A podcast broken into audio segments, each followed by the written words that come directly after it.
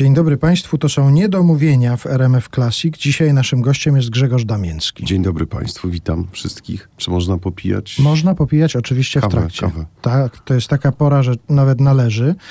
Chciałem zapytać na początek, czy zdarzało się, że ktoś pytał o mamę myśląc o Annie Seniuk? Nie zaskoczyłeś mnie, dlaczego? No, bo zastanawiam się, czy z Grzegorzem Małeckim was mylano kiedykolwiek. to cicho, ale bystry masz umysł, widzisz, a ja już trochę wolniej myślę. Grzesia Małeckiego pozdrawiam, wspaniałego, cudownego. Nie, nie było takiej sytuacji. No to dobrze, to to wyjaśniliśmy. Jeszcze raz informujemy, że Grzegorz Damięcki jest dzisiaj Tak. naszym gościem. Właściwie pomyślałem sobie, że chciałbym porozmawiać, przynajmniej w części tego naszego spotkania, o duchach. U, A konkretnie o jednym duchu nawet. Bo przeglądając jakieś materiały, zobaczyłem taką rozmowę zresztą z naszą radiową koleżanką i tam było pytanie o to, już domyślasz się o co chcę zapytać? y, y, dawaj dalej, bo jestem ciekaw, czy to jest to, o czym myślę. Jaki scenariusz filmowy chciałbyś zrealizować? I odpowiedziałeś, w Józefowie Lubelskim spotkałem ducha, taki scenariusz chciałbym zrealizować. tak, no tak. Chcesz, chcesz o tym porozmawiać? Jesteś tego pewien? Nie Jestem boisz się? ciekaw tego. Jesteś Jest- tego ciekaw. Przerywaj mi w razie czego, Dobrze. jeżeli, jeżeli będę jakieś poboczne wątki poruszał. Też chciałbym uniknąć w tej krótkiej opowieści tego, co było traumatyczne w tym, bo to nie była. A czyli to nie było żartobliwe No zdarzenie? nie, nie, nie, nie. To było bardzo poważne zdarzenie, więc czy nadal chcesz o nim rozmawiać? Mhm. Nie, ale to ustalmy tylko, bo ja w pierwszej chwili Tak. pomyślałem sobie, że to może być taka odpowiedź, którą można mieć przygotowaną, jak ktoś pyta, a jakie masz plany na przyszłość? No to Mhm. właśnie, że chciałbym o duchu z Józefowa Lubelskiego. Tak. A to rozumiem, że to nie, że to jest prawdziwa historia. To jest prawdziwa historia, którą przeżyłem i chciałem napisać y, na podstawie tej historii scenariusz. Ciągle Mhm. się nad tym zastanawiam. Mam na szczęście świadka, że to się rzeczywiście zdarzyło. Może zacznę w ten sposób, że Józefów Lubelski, z tego co wiem o nim, przed wojną był ośrodkiem bardzo prężnie działających oficyn wydawniczych i drukarni żydowskich. Było tam kilka osób, które doskonale poruszały się w kabale i w takich kabalistycznych różnych klimatach. Jak przyjechaliśmy z osobą towarzyszącą mi do tego Józefowa w czasie wakacji samochodem, bo jeździliśmy po bocznych drogach, zwiedzaliśmy Polskę, zrobiliśmy prawie 6 tysięcy kilometrów po tej Polsce. Wtedy, to już było prawie 20 lat temu, albo wręcz 20 lat temu, to w rynku w Józefowie zabudowa była, z tego co pamiętam, w miarę nowa, natomiast w pewnym miejscu stał taki y, stary drewniany, bardzo, bardzo duży, taki typowy małomiasteczkowy pożydowski dom. Weszliśmy do tego domu, za barem stał człowiek no, z bardzo długą brodą i z takimi bardzo prześwietlającymi intensywnie ciemnymi oczami. Spojrzał na nas i powiedział: Wiedziałem, że przyjedziecie, macie klucze, możecie iść na górę. To może dalej nie będę A, opowiadał no, o tym. zwłaszcza, że tu aż chce się tego scenariusza No i rzeczywiście właśnie. myślisz o tym, żeby opisać Tak, to? bardzo żeby... bym chciał, bardzo bym chciał kiedyś tę historię opisać, bo była niesamowita. Ona w tym sensie zmieniła moje myślenie o rzeczach takich nadprzyrodzonych, niewytłumaczalnych, że zacząłem się temu wszystkiemu przyglądać, zacząłem troszeczkę interesować się takim światem pomiędzy życiem a śmiercią. To wbrew pozorom nie są wcale bardzo smutne tematy, bo to są bardzo fascynujące różne fakty na ten temat. Można wyczytać, pomijając bzdury różne i tak dalej. Jest cały świat bardzo, bardzo ciekawych historii z tym związanych. Natomiast duchy towarzyszą mi od zawsze. Nawet twierdzę, a nie jestem w tym odosobniony, że po Teatrze Ateneum chodzi duch pana dyrektora Janusza Warmińskiego. Raz mnie smyrnął w kark, jak siedziałem i przygotowywałem się do przedstawienia. Poczułem najpierw przeciąg, potem trzeszczała podłoga, a potem ktoś mnie dotknął, tak jakby przejechał palcem po karku, odwróciłem się, byłem w garderobie totalnie sam. Byłem w ogóle w teatrze sam, bo przyszedłem bardzo wcześnie. A jakbyś spotkał ducha Gustawa Cholubka i Gustaw Cholubek by zapytał, no co słychać? To co byś mu odpowiedział? No to bym powiedział, e, panie dyrektorze, staram się realizować to, co zawarł pan kiedyś w jednym zdaniu, mówiąc do mnie, synu, zlituj się na rany Chrystusa. To był mistrz, y, mój profesor, guru, wykładowca, dyrektor w teatrze. Mógłbym o nim opowiadać godzinami. Niestety nieuważnie w szkole teatralnej go słuchałem, bo może jeszcze więcej bym pamiętał. Z autor takich różnych sentencji, które z wiekiem okazuje się, że coraz bardziej mi się przydają i, i widzę ich trójwymiarowość, tak jak Jan Sebastian Bach pisał trójwymiarową według mnie muzykę, tak samo pan Gustaw Holubek w sposób trójwymiarowy myślał, mówiąc na przykład, że artysta powinien mieć skórę słonia, a duszę motyla, albo na przykład mówiąc, że aktorstwo to jest partnerstwo, a nie rywalizacja całą masę innych rzeczy. A tę prośbę o zlitowanie to on w jakiejś bardzo konkretnej sytuacji wygłosił? No tak, to była sytuacja, kiedy y, zrobiłem nagłe zastępstwo za murarza w zemście i miałem do powiedzenia zdanie Cześnik pan mój kazać raczy, aby muru nie kończono. A ponieważ chciałem się bardzo zaznaczyć, miałem dwie próby. Jedną próbę miałem z, z suflerem, drugą próbę miałem już z panem dyrektorem i powiedział po tej próbie, no, dasz radę, synu. I wieczorem miałem mieć swoją premierę, więc w sposób nieuprawniony, bo nie miałem na to zgody niczyjej. Postawiłem sobie włosy, bo miałem wtedy bujne, kręcone włosy. Postawiłem sobie na, na jakiś preparat mocno do góry. Poprosiłem charakteryzatorkę o największe wąsy, jakie w teatrze są. Pomalowałem sobie oko na taki styl trochę japoński. I jeszcze do tego wszystkiego wymyśliłem sobie, że ja ten tekst wygłoszę taką warsiaską mową, nie wiadomo czemu. Fredro, zemsta. No i na scenie zabrzmiało to mniej więcej tak. Cieśnik pan mój kazać raczy, aby muru nie kończono. I po przedstawieniu mm, pani suflerka powiedziała, że pan Gustaw prosi mnie do siebie do gabinetu. No i wszedłem do gabinetu i wtedy pan Gustaw wygłosił to słynne zdanie. A nie uważasz, że gdyby każdy aktor na pewnym etapie swojego życia usłyszał taką prośbę o litość Och, od swojego Boże. autorytetu, ile by to zmieniło ja, Niektórzy powinni mieć to wbite w dokumenty w ogóle. No. A propos autorytetów, o nich jeszcze będziemy dzisiaj rozmawiać. Będziemy rozmawiać o ludziach związanych z teatrem Ateneum. Teraz coś z płyty i z koncertu Ateneum Gra Młynarskiego. Śpiewa Grzegorz Damiński.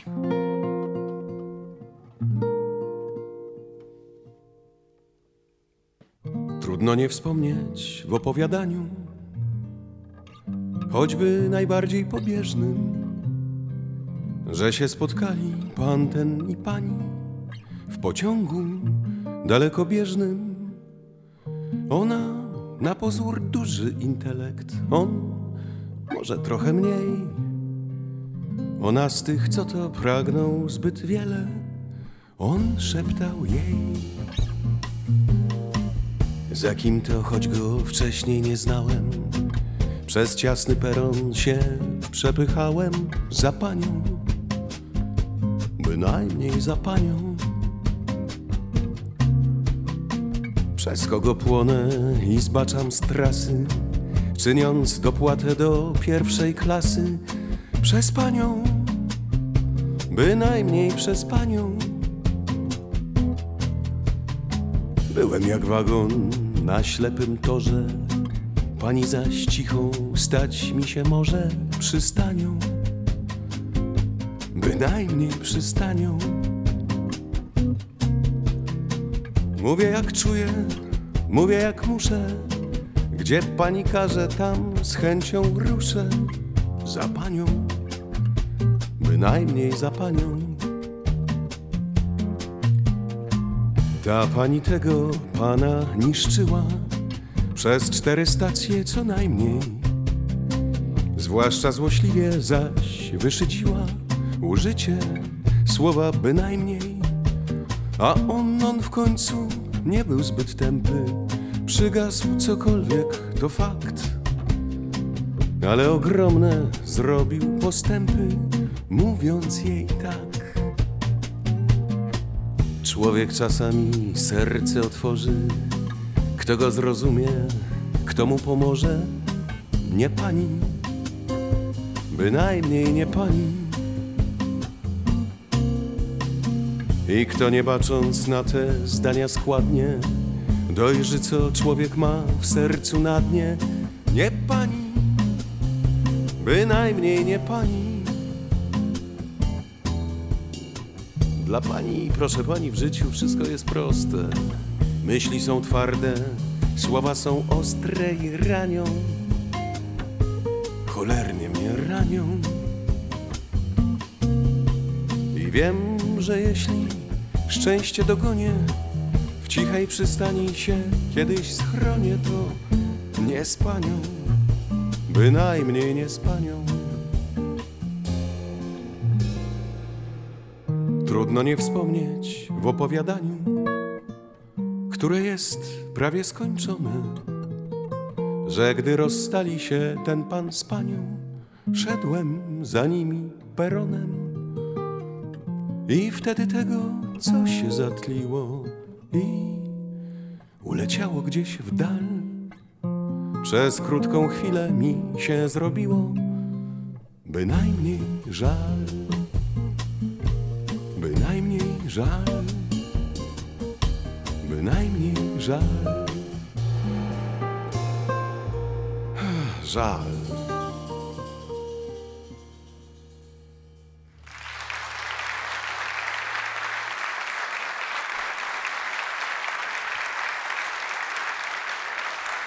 Zaczęła nam się rozmowa o teatrze Ateneum i właściwie o tym teatrze powinniśmy mówić. Czy ty jesteś od samego początku swojej pracy aktorskiej związany z tym teatrem właśnie? Tak, jako taki jakiś byt astralny jestem też związany z teatrem prezentacje, dlatego że u pana Romualda Szejda też y, pracowałem. Pracowałem też w innych teatrach, ale moim pierwszym miejscem zatrudnienia, a jeszcze miejscem, w którym spotkała mnie przygoda pod tytułem Firma, to sztuka Hemara, w reżyserii Dudka Dziewońskiego, pana Edwarda Dziewońskiego, to byłem jeszcze studentem szkoły teatralnej. No i po tym przedstawieniu tak zwany Chińczyk, czyli pan dyrektor Janusz Warmiński, a- a Chińczyk dlatego, że miał okulary oprawione w oprawki denka od butelek i bardzo wąskie, długie oczka, w związku z tym przenikliwe, za tych szkiełek patrzyły, nazywano go Chińczykiem. I Chińczyk, czyli pan Janusz Warmiński, przyglądał mi się długo, długo, długo. No i w końcu po jakimś czasie otrzymałem, jak to się mówiło jeszcze wtedy, engagement do Teatru Ateneum. I to od Jest dyrektora tam- Warmińskiego? I to od dyrektora Janusza Warmińskiego, tak. E, Byłem jeszcze proszony na rozmowę do pana Kazimierza Dejmka. Ta rozmowa to była jakaś totalna moja porażka. Ale jak pan Janusz Warmiński dowiedział się, że byłem też na rozmowie u pana Dejmka, to powiedział, nie, nie, ty już nigdzie nie szukaj sobie miejsca, ty będziesz tu z nami. Być może poczuł się zazdrosny i może dlatego takim fortelem. W każdym razie 31 lat temu, w tej chwili, tak to obliczam, zostałem aktorem tego teatru i poznałem wszystkich tych wspaniałych, wielkich aktorów, których wcześniej widywałem jako dzieciak, potem student, wcześniej licealista. Widziałem te wszystkie wielkie przedstawienia. A jak wchodziłeś w ten zawód, jak przygotowywałeś sobie swoje miejsce, to spodziewałeś się tego, że w jednym miejscu, w jednym teatrze można spędzić tyle czasu? To było dla ciebie naturalne myślenie o teatrze, że jak się zwiąże z jedną sceną, to ona może być na całe życie na przykład? Nie, aczkolwiek pochodzę z takiego dość tradycyjnego aktorskiego domu, w którym ojciec mój i jemu podobni hołdowali, pewnie nadal jeszcze hołdują takiej, ja myślę, że to jeszcze jest taka XIX-wieczna tradycja, że jak w średniowieczu wodza zakopywano, jak zmarł razem z koniem i z żoną, no to tak samo oni myślą o teatrze, że aktor jak nie przychodzi na przedstawienie, to znaczy, że nie żyje, bo jak złamie nogę, to przychodzi oczywiście. No zaraz, ty raz nie przyszedłeś, a żyłeś. Raz nie przyszedłem, ale to jest historia bardzo wstydliwa dla mnie. Z przyjemnością posłuchamy. tak. Mm, Dobrze, chętnie za moment może opowiem. Kończąc ten pierwszy wątek, nie przypuszczałem, ponieważ ja o teatrze myślę jednak trochę inaczej niż to wcześniejsze pokolenie. Ojciec się mój zawsze zrzymał i wściekał na to, że inaczej do tego podchodzę. Nie przypuszczałem, że tyle czasu w tym teatrze wytrzymam. Wytrzymam, że tyle po prostu czasu będę chciał w tym teatrze być. Miałem po drodze różne takie kryzysy drobne. Chciałem ten teatr opuszczać, ale zawsze mi się taka lampka ostrzegawcza zapalała, że to jest miejsce jakieś takie szczególne. Ten adres, jak koń pociągowy, sunę tam nawet się parę razy złapałem na tym, że gdzieś tam jechałem, zamyśliłem się i ocknąłem się pod teatrem Ateneum. No dobrze, że po drodze nikomu krzywdy nie zrobiłem, także jest to taka wyrobiona trasa nawet moja.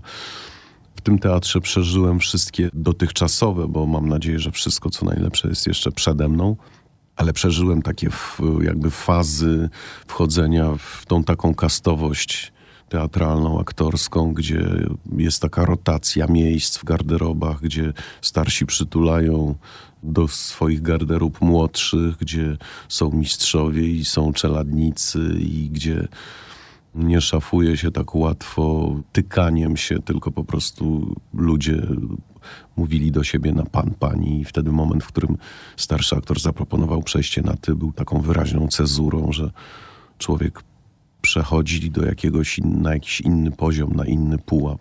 To jeżeli Wokulski, czyli Jerzy Kamas, proponuje ci przejście na ty po dziesięciu latach bycia w teatrze, to to coś znaczy. I to naprawdę mm, smakowało i działało w obie strony. Także w takim teatrze byłem. Grzegorz Damiński dzisiaj u nas w Niedomówieniach w RMF Classic. Jeszcze a propos teatru, to chyba najważniejsza część twojego życia zawodowego, prawda? Takie masz podejście do tego, czy niekoniecznie? Niekoniecznie. Y, dlatego, że tak by się mogło wydawać, ponieważ większość życia zawodowego spędziłem właśnie w teatrze. Ale mm, ja zawsze instynktownie, a teraz z pełną świadomością traktuję swój zawód. Uważam siebie za artystę. To, co robię, może się podobać lub nie, ale nie ma to nic wspólnego z y, tylko i wyłącznie zarabianiem pieniędzy, zresztą wcale nie jakichś tam gigantycznych.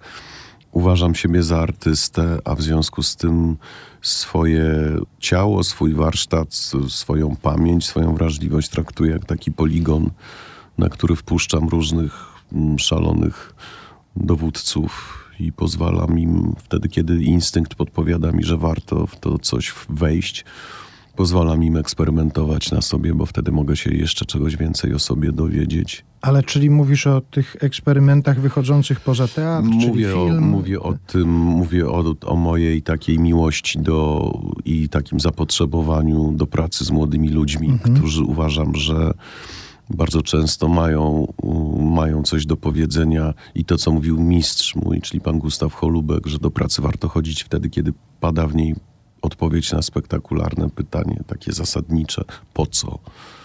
Uważam, że młodzi ludzie bardzo często wiedzą, nie zawsze potrafią, a ja też nie potrafię, bo do każdej roboty się jakby mm, rodzę na nowo. Natomiast lubię z nimi pracować. To dotyczy i filmu, i teatru, i audiobooków, które chętnie nagrywam, i różnych innych form poetyckich, eksperymentów takich najróżniejszych czy krótkiego metrażu, w którym bardzo chętnie uczestniczę, czy pracy w teatrze z bardzo młodymi ludźmi również. To ona mi się zdarza. A ja dlatego zacząłem po raz kolejny zresztą ten wątek teatralny, tak. bo u jednego z gości, który tutaj parę tygodni temu pojawił się w naszym studiu, w jego biografii znalazłem taki opis, że mimo sukcesów telewizyjnych nie zrezygnował z teatru. Coś takiego się, ładne.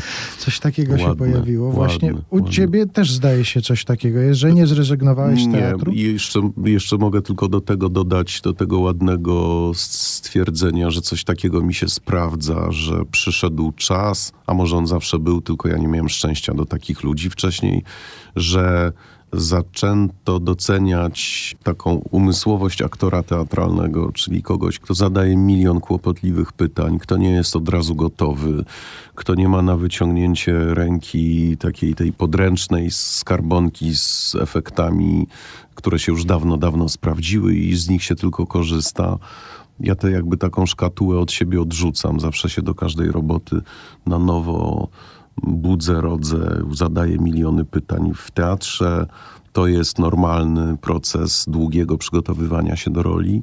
W filmie zawsze panował pośpiech, no bo pieniądze, prawda, i lepiej wziąć kogoś, kto ma pewną taką gotowość na już, na teraz, niż kogoś, kto będzie y, długo pytał, ale nagle się okazało, że do filmu przyszli ludzie, którzy chcą robić próby stolikowe, którzy chcą pracować nad rolą, którzy chcą pracować nad dialogiem.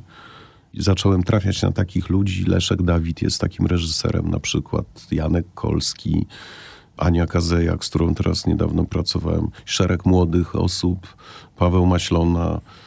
Jest tych reżyserów takich, którzy chcą w ten sposób pracować trochę. Ja bardzo chętnie z nimi współpracuję, czuję się tam bezpiecznie. To teraz powiedzmy o tej wstydliwej Ojej. sytuacji w teatrze. Ja wiem, że myślałeś, że już zapomniałem, Ojej, ale po pierwsze ojej. paru słuchaczy Pamiętliwy siedzi uważnie przed jesteś. i czekają na tę opowieść. Ja się bardzo niechętnie lubię przyznawać do takich rzeczy, bo też mam taki wśród kolegów i koleżanek chyba. Oni uważają, że ja jestem takim człowiekiem teatru i że dla mnie ten etos teatralny jest taki święty i te wszystkie zwyczaje. I zdarzyło mi się w czasach, kiedy jeszcze telefony komórkowe nie były tak mocno rozpowszechnione, a ja jeszcze nie prowadziłem kalendarza, tylko byłem pewien, że wszystko potrafię umieścić w głowie i będę z tej głowy korzystał. No i grałem w przedstawieniu, miałem zaszczyt partnerować w przedstawieniu zaświadczenie o inteligencji no, takim tuzom jak Piotrek Franceski, reżyserował Wojtek Młynarski, y, Marian Kociniak w obsadzie, Marek Lewandowski, Tomek Dedek. I był taki wieczór, kiedy wiedziałem, że mam wolne. W związku z tym udałem się na Kozią do Muzeum Karykatury na otwarcie nowej wystawy Eryka Lipińskiego. Poszedłem tam z moją żoną tę komórę taką wielką, z taką wielką anteną wyciszyłem. W związku z tym nie było ze mną żadnego kontaktu. Jak wróciliśmy do domu, jeszcze były wtedy takie te sekretarki, które się uruchamiało, żeby odczytać nadchodzące wiadomości. Poszedłem do łazienki, jak z niej wyszedłem, to moja żona stała na środku dużego pokoju, kompletnie blada, więc myślałem, że ktoś umarł po prostu, bo miała taki wyraz twarzy. Mówię, co się stało? Miałeś dzisiaj przedstawienie. Dzwonili do ciebie, nie wiem, 20 razy chyba. Dzwonili do matki, dzwonili do ojca, dzwonili do mnie, do nikogo się nie dodzwonili. No więc e, zawaliłem. Oni wszyscy byli, a ja gówniarz. Byłem sobie gdzieś tam na jakimś... Następnego dnia pojawiłem się w teatrze, bo następnego dnia też graliśmy, bo ja zawaliłem piątek, a sobota, niedziela musiałem jeszcze łykać tę żabę i patrzeć im w oczy tym wszystkim. A oni specjalnie się tak nachylali nade mną i mi w te oczy zaglądali. Więc przyszedłem z taką wielką butelką whisky. Dosłownie padłem na kolana teatralnie i pan Marian Kociniak powiedział, nie wiem jak koledzy, ale ja wybaczam. I puenta tego jest taka, że poprosił mnie dyrektor Holubek na rozmowę do gabinetu, więc pomyślałem, że na pewno będę zwolniony albo jeszcze jakieś inne kary finansowe i tak dalej, co na kieszeń y, świeżo upieczonego młodego aktora i młodego męża i w ogóle, i w ogóle. No byłoby to straszne. I wszedłem do tego gabinetu, pan dyrektor spojrzał na mnie, wziął oddech i powiedział: Ja pana nie będę karać, bo pan widzę, już sam siebie ukarał. Było widać po No, twarzy. Tak, zobaczył to wszystko. A żaden z kolegów nie wpadł na pomysł, żeby pocieszyć opowieścią o swoim takim przypadku? O nie, koledzy chętnie i skrzętnie korzystają z takich sytuacji. To jest tak. Pan Marian Kociniak, cudowny, wspaniały. Nie, w życiu. Pan Marian tylko był rycerzem zawsze, przecież Frankiem Dolasem i, i, i w życiu, i w filmie również. Cudowny, wspaniały pan, kolega, starszy, aktor wielki. Jeszcze mówiąc o teatrze, to bardzo ważny adres, bardzo ważne miejsce, Teatr Ateneum w Warszawie. Pomyślałem sobie, że zapytam o taki jeden spektakl, który, nie ukrywam, jest mi bliski przez osobę, której dotyczy sceny niemalże małżeńskie Stefanii Grodzieńskiej. Wydawało wam się, że to jest możliwe, że będziecie 11 lat grać ten spektakl, bo on cały czas jest. Tak, nigdy w życiu tego, nie, nigdy w życiu nie sądziłem, e, kiedy żeśmy się pierwszy raz spotkali, kiedy wtedy jeszcze pani Grażyna Barszczewska, dziś kochana moja koleżanka, cudowna Grażynka, zadzwoniła do mnie, e, żeby mi zaproponować wspólną pracę nad tymi przewspaniałymi tekstami. No to wręcz zapytałem, czy na pewno jej się Damiński nie pomylił, bo może to chodzi o mojego ojca.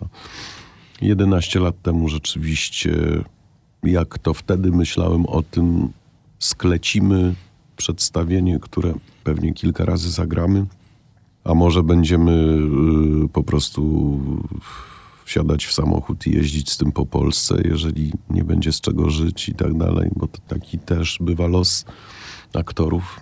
Dawniej w stanie wojennym można by mojego ojca zapytać, aktorzy przemierzali ten kraj wzdłuż i wszerz właśnie za chlebem, z takimi małymi formami I to przedstawienie się w jakiś taki kosmiczny, niezwykły, metafizyczny sposób rozrosło w coś tak pięknego i wspaniałego, że zagraliśmy również poza siedzibą teatru Ateneum masę tych przedstawień. I co mnie bardzo cieszy, to jest to, że przekrój wiekowy naszej publiczności jest od 150 do 10 lat, bo i ludzie starsi, którzy nostalgicznie mają podejście do tego, ale też młodzież, która lubi po prostu abstrakcyjne poczucie humoru, bo Grodzieńska i Urandot są porównywalni do mojego A oni ukochanego. wiedzą, kim była Grodzieńska? Ci młodzi, Ci młodzi? Tak. je, im trzeba tłumaczyć, ale Mhm.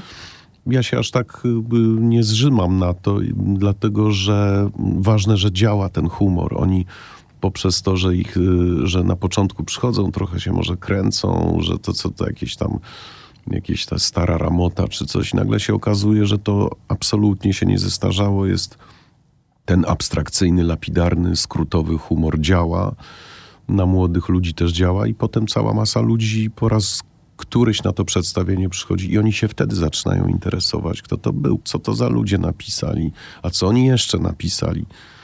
Jest tak jak z muzyką. Ja tak często miewam, odkrywając jakiś zespół, na przykład nagle się okazuje, że on nagrał jeszcze 10 kapitalnych płyt i słucham ich potem po kolei wybieram sobie tą najbardziej ukochaną.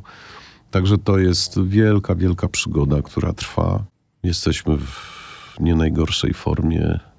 No Grażynka to już w ogóle to jest po prostu, ja nie wiem, mówię, ty mi powiedz, co ty bierzesz za leki, bo ja chcę brać te same po prostu. Co ty, no. Ja rzeczywiście pamiętam, oglądałem to zaraz po premierze, czyli w 2011 roku i zastanawiałem się, co do tekstów Stefanii Grodzieńskiej, ja nie mam żadnych wątpliwości. Wiem, że one się będą trzymały, ale zastanawiałem się, czy ten czas, który będzie upływał od, od śmierci Stefanii, czy nie spowoduje, że ludzie będą już troszkę zapominali o niej jako o autorce tekstów. To nie są rzeczy, które są wznawiane jakoś wydawniczo. Kiedyś była bardzo popularną No tak. a, autorką, tak, tak, a teraz tak. już tej popularności nie ma i dzięki waszemu spektaklowi właściwie cały czas jest pamięć Ja mam, takie, ja mam takie przekonanie, że są pewne rzeczy na tak jakimś ponadczasowym poziomie mm, pisane, czy malowane, czy filmowane w towarzystwie jakiejś właśnie jakiegoś takiego, jak to mówią młodzi ludzie często, flow i takiego y, metafizycznego jakiegoś olśnienia, że one po prostu nie poddają się czasowi. Temat jest uniwersalny. To, co mówił też ciągle ten Gustaw Holubek wraca, to, co pan Gustaw mówił o tym, że choćby nie wiem, co wymyślono na temat teatru, jakie przeróżne wolty i tak dalej, chodzenie po niebieskiej farbie na bosaka i to, to ja z tego nie kpię. Ja, ja bardzo taki teatr, też w niego chętnie wchodzę, natomiast słowo pisane, w którym mężczyzna mówi do kobiety kocham cię i nigdy cię nie przestanę kochać, a kobieta mówi jesteś jedyny i tylko ty i, i nie wiem, i mówią różne inne rzeczy. Jeżeli to jest dobrze napisane, jeżeli to jest dobrze podane, to to się po prostu nigdy nie zestarzeje. I tej zasadzie podlega Grodzieńska dokładnie. Te teksty się po prostu nie starzeją, dlatego że konflikt się nie przedawnia między tymi dwoma płciami. A że można o rzeczach dramatycznych mówić z humorem, no to, to tylko mistrzowie potrafią. Jeszcze zastanawia mnie, co jest takiego. No, pewnie widzieli cię, wiedzą, co możesz zagrać. Dlaczego cię zapraszają do takich spektakli, które ocierają się o klasykę rozrywki? No tutaj Mhm. wspomnieliśmy o Stefanii Grodzieńskiej, sam wspomniałeś wcześniej o zaświadczeniu o inteligencji. Tak. To było oparte na, na tekstach Tak, Dobrowols- Dobrowolskiego. Dobrowolskiego. Rozumiem, że to Wojciech Młynarski ci zaproponował Tak, tak. tę rolę.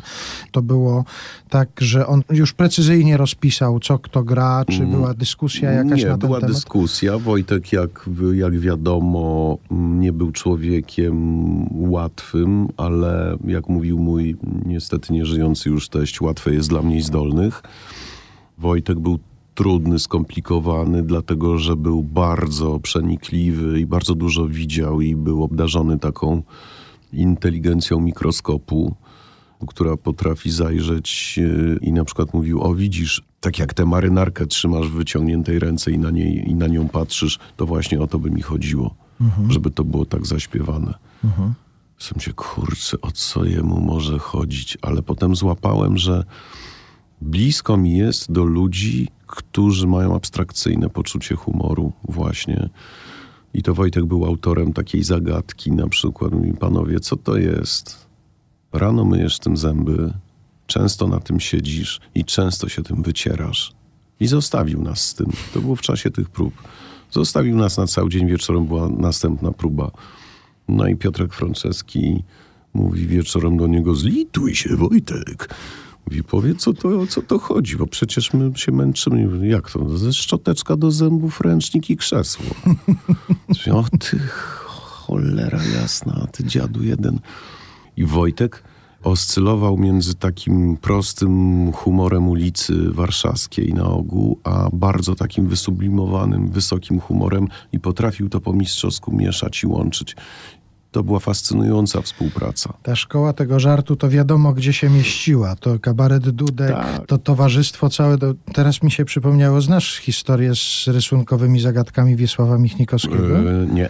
E, Jaki to tytuł polskiego filmu? On narysował kiedyś gdzieś w jakimś Aha. objeździe. Narysował na kartce coś takiego. Był dom, słonko, drzewko obok tego domu, Buda jakaś taka Mhm. i strumyczek, zdaje się. I pytanie było, jaki to tytuł polskiego filmu? Dom, słonko, drzewko, Buda i strumyk. Nie mam zielonego pojęcia. Też ich zostawił, zdaje się, na dwa dni z tym. No i Gdzie jest generał? Trochę byśmy sobie porozmawiali może o muzyce teraz, bo Tak. też dowiedziałem się, że od 17 roku życia kolekcjonujesz płyty winylowe. jest to szaleństwo. Co prawda, część tej wspaniałej kolekcji, jak poznałem moją żonę, to sprzedałem, żeby mieć na ciastka i kawę, żeby móc ją. Tak inwestowałeś w uczucie? Tak, inwestowałem w uczucia. Potem te płyty było bardzo ciężko gdzieś odnaleźć na nowo, bo ja zacząłem zbierać płyty w, w czasach licealnych. Mieliśmy takiego kolegę, którego ojciec pracował w przedsiębiorstwie handlu zagranicznego. W związku z tym za żelaznej kurtyny mógł wyjeżdżać w różne miejsca świata. Myśmy mu robili listę rzeczy, które ma nam przywieźć. Ja jestem z tej subkultury niezależnej takiej undergroundowej, punk rockowej, y, festiwali Ruprege, które się odbywały regularnie w Warszawie, Jarocina. No więc pierwsze płyty The Clash, Sex Pistols czy Boba Marleya, A w ogóle taka pierwsza, pierwsza płyta, pamiętasz co to było? Czarna Brygada Kryzys, to Brygada Kryzys nagrana w Ton Pressie w nocy potajemnie na nowym zupełnie sprzęcie. To jest płyta, która się w ogóle nie zestarzała, ale potem A tej nie sprzedałeś na nie, ciastka? nie, nie, nie. Tę płytę mam, mam nawet ją w tej chwili w kilku egzemplarzach. Mhm. Później, bo też tak patrzę na napis Classic, który Mhm. się znajduje za twoimi plecami i chcę nawiązać też do muzyki klasycznej. Kiedy zobaczyłem film Amadeusz Milosza Formana i ten film no, po prostu wstrząsnął i zacząłem, co, co, co, co Mozart, co to jest ten Mozart, co to jest w ogóle ta muzyka. I zacząłem słuchać Mozarta. No ale jak już zacząłem słuchać Mozarta, to w moje łapki wpadły też koncerty brandenburskie i fugi Jana Sebastiana Bacha. No i po prostu to było coś niesamowitego, bo y, paradoks pewien, że z jednej strony miałem płyty pod tytułem Trzy akordy, darcie mordy, proste chwyty barowe i czysta, żywa energia, czyli Sex Pistols, a zaraz obok stały płyty z właśnie koncerty brandenburskie, cztery pory roku Vivaldiego i takie rzeczy. I słuchałem tego naprzemiennie. Tak, kto wie, czy Mozart gdyby teraz nie tworzył, to też by nie pojechał do Jarocina na przykład. Ja myślę, że by panowie i część pań wielkich, wybitnych kompozytorek, którzy sobie gdzieś tam zasiedli razem wspólnie, sobie muzykują w tej chwili. Nie ma dla nich absolutnie żadnej bariery porozumienia. Bob Marley i Jan Sebastian Bach absolutnie mieszczą się na tej samej ławce, moim zdaniem, chociaż niektórzy może byliby oburzeni, mm, słysząc to, co mówię. Ale ja się nie boję. A jeżeli chodzi o te płyty winylowe, rozumiem, że ta pasja trwa i zdobywasz, O, tak. ale to polega na przeszukiwaniu antykwariatów, na internecie. Nie, nie, nie, nie. To jest wypracowany system. E, Ja podróżując, jeżdżąc gdzieś po Polsce, albo mam też ogłoszenie u mojego kochanego zegarmistrza na, na Starym Żoliborzu. Jeszcze w paru miejscach wisi taka kartka, kupię płyty winylowe. Naj, najciekawsze rzeczy kupuje się z ogłoszenia u ludzi, którzy zapraszają do domów. Ale też często mam taką możliwość mieszkania u Joasi Janasz w Sztokholmie, którą zresztą bardzo serdecznie pozdrawiam, jeżeli słucha naszej audycji. I tam Sztokholm i okolice Sztokholmu, te różne takie pchletargi, wystawki. Są takie targowiska, gdzie ludzie po prostu przynoszą z domu różne, przeróżne rzeczy. Miałem taki jeden strzał jeszcze w Toronto, kiedy w takiej małej miejscowości trafiłem na taki yard sale tak zwany, czyli ludzie wystawiają, sprzedają za symboliczne po dolarze dwa jakieś rzeczy przed domem i pan miał pudło, tam było pięć płyt. Ja mówię, a nie masz więcej takich płyt? On mówi, chcesz więcej takich płyt? To chodź tutaj do, na tył domu, do, na podwórko. Otworzył mi garaż, w którym było pięć tysięcy płyt winylowych i okazało się, że ten gość w 75 roku zamknął w tej miejscowości swój sklep muzyczny. I od 75 roku te wszystkie płyty tam leżą. Tam nie było nic starszego, czyli cała muzyka Flower Power, ta hipisowska, cały Hendrix, Pink Floydzi, masa klasyki. To mnie, mnie się nogi ugięły. Ale kupiłeś coś? Powiedziałem mu, że kupię te, kupiłem te wszystkie płyty na raty po dolarze i potem tylko się zastanawiałem, jak ja to przywiozę do Polski. Następnego dnia zadzwoniłem do niego, odebrała żona i tylko usłyszałem, jak ona do niego mówi Jeffrey, this crazy Polak is calling. I rozumiem, że ta kolekcja cała trafiła do Polski. Jest, tak, jest, tak, jest. Przypłynęła do mnie statkiem. Tak. Teraz wpadło mi do głowy, jak powiedziałeś, że Sztokholm to jest też źródło zdobywania płyt, czy jakieś płyty Abby masz gdzieś w tym O, zestawie? tak, mógł- a jesteś miłośnikiem Abby? Bywam Tak? momentami, tak. To zapraszam cię do mojego garażu i tam sobie pogrzebiesz w tych pudełkach. Tam jest 3000 płyt, można grzebać. Każde wszystkie płyty są gatunkami podzielone, tak żeby było łatwiej. Ja się boję, wiesz, co Przyjdź, będzie... przyjdź, dostaniesz kawę albo herbatę, jakąś kanapkę, jak będziesz głodny. Są gramofony, można posłuchać. Bardzo ci dziękuję za Tak, zaproszenie. zapraszam. Ale boję się, czy mnie też nie porwie za daleko i czy twoja żona potem odbierając telefon ode mnie nie powie coś o crazy Polaku. tak się szczęśliwie składa, że i u nas aby pod dostatkiem, no to posłuchajmy i poczujmy się jak w garażu Grzegorza Damięckiego. I've been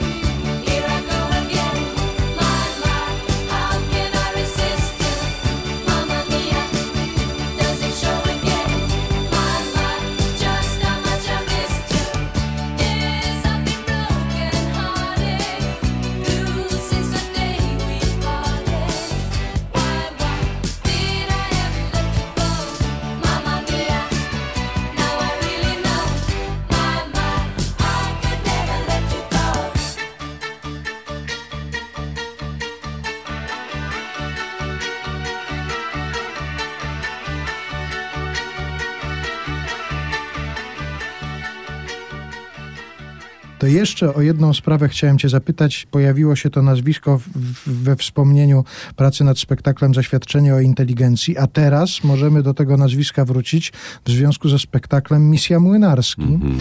Grasz w tym spektaklu. To był spektakl właściwie przygotowany specjalnie na wieczór sylwestrowy Tak, w Teatrze tak, Ateneum, tak. ale można go teraz zobaczyć. Można powiedzieć, że przygotowywaliśmy Jacek Bończyk, y, nasz wspaniały kolega, aktor, śpiewający, reżyser, człowiek orkiestra, który zainfekował nas swoim szalonym pomysłem. Też nie chcę, jak to mówi moja córka, spoilerować i opowiadać wszystkiego, no ale jest pewien pretekst kosmiczny do tego, żeby te piosenki na nowo pokazać. Jest bardzo młoda, fajna obsada kolegów i koleżanek, którzy świetnie śpiewają i mają zupełnie świeże, nowe podejście do całego tego materiału. E, Miał to być koncert taki sylwestrowy, coś czuję, że będziemy to przedstawienie grali częściej. Mam taką nadzieję, dlatego że Młynarski, bez względu na to, czy te wykonania się komuś będą podobały bardziej czy mniej, bronią się po prostu te teksty, bronią się te sklejenia słów, które występują jedno przy drugim, że one są zestawione tak, a nie inaczej. Są te teksty brutalnie aktualne, niektóre z nich i niezwykle śmieszne, te inne. Czyli Wojtek po prostu tutaj jawi się jako taki reporter właściwie, twórca felietonów muzycznych, świetny podpatrywacz rzeczywistości, w której się nic nie zmieniło. Ona z jednej strony się śmieje, z drugiej strony skrzeczy po- potwornie. Jacek rozdał po prostu konkretne teksty każdemu, kto czego ma się Jacek, nauczyć. Jacek jakby y, patrzył na nas i przypasowywał razem z y, Wojtkiem Borkowskim, kompozytorem, aranżerem, opiekunem muzycznym, pianistą, szefem zespołu, który od strony muzycznej nad tym wszystkim czuwał. Jak to Wojtek Borkowski zwykle. Jemu chciałem chociaż sekundę poświęcić, bo na ogół o tym się mówi najmniej, że Wojtek jest takim artystą, który dodaje czegoś niezwykłego. Zawsze te aranżacje Wojtka są piękne po prostu, mądre, niezwykle oszczędne, takie jak powinny być. Jest wielkim, wielkim artystą, od bardzo dawna związanym z Teatrem Ateneum. I posiadanie Wojtka Borkowskiego w zespole jest połową sukcesu takiego przedsięwzięcia. A jak się Także Jacek rozdał nam, rozdał nam piosenki. Mierzyliśmy się z, legendami. No, A tobie co przypadło, możemy powiedzieć? Daj Des i po krakowskim takie dwie nastrojowe, refleksyjne piosenki, które wymagają troszkę innego skupienia niż te wszystkie takie jego pieśni radosne, związane z, z tym y, radosnym, honornym ludem warszawskim. No to my na zakończenie naszego spotkania zaproponujemy jedną z tych piosenek w wykonaniu autora, czyli Wojciecha Młynarskiego. Ach, świetnie. A Państwa zapraszamy do Teatru Ateneum i tam będzie można usłyszeć te nowe wersje, nowe Zapraszam, wykonania. tak, zapraszam Państwa do Teatru Ateneum. Przychodźcie, odwiedzajcie nas, bardzo na Was czekamy. Aktorzy są zgłodniali publiczności i przychodźcie też na inne przedstawienia. Zapraszam serdecznie. Zapraszał Grzegorz Damiński. Bardzo dziękuję. Dzięki, dziękuję bardzo. Po krakowskim w noc majową szedłem kiedyś moi mili i mniej więcej przy Karowej usłyszałem jak ktoś kwili. Siedli na mnie całą zgrają i tokują i gruchają. Dość tej złości, dość bierności, dość milczenia. Wiemy jakie są realia, z jakich kart się składa talia i nawiązać pora nić porozumienia. Zarzucają mi negację i wewnętrzną emigrację z coraz cięższej artylerii do mnie walą. Siedzą na mnie i do ucha tłum zajadły wciąż mi grucha. Nawiąż dialog, nawiąż dialog, nawiąż dialog. A mnie, wyznam Państwu szczerze, do dialogu chęć nie bierze. Patrzę ten powyszczerbiony bruk ulicy, czując wśród gruchania tego coś lepkiego i wstrętnego, co bez przerwy ścieka mnie po potylicy. Ciecz to wstrętna biała rzadka i tu wreszcie by balladka ujawniła swą dramaturgiczną głębię. Wyznać bierze mnie pokusa, że to kwilił pomnik Prusa, dialog zaś proponowały mu gołębie. Już. Balladkę kończyć pora, jeszcze tylko skromny morał jej doczepię jak do psiego chwosta rzep by nie zgorszyć pań prześlicznych, ujmę rzecz eufemistycznie, trudny dialog z kimś, kto wciąż ci sra na łeb.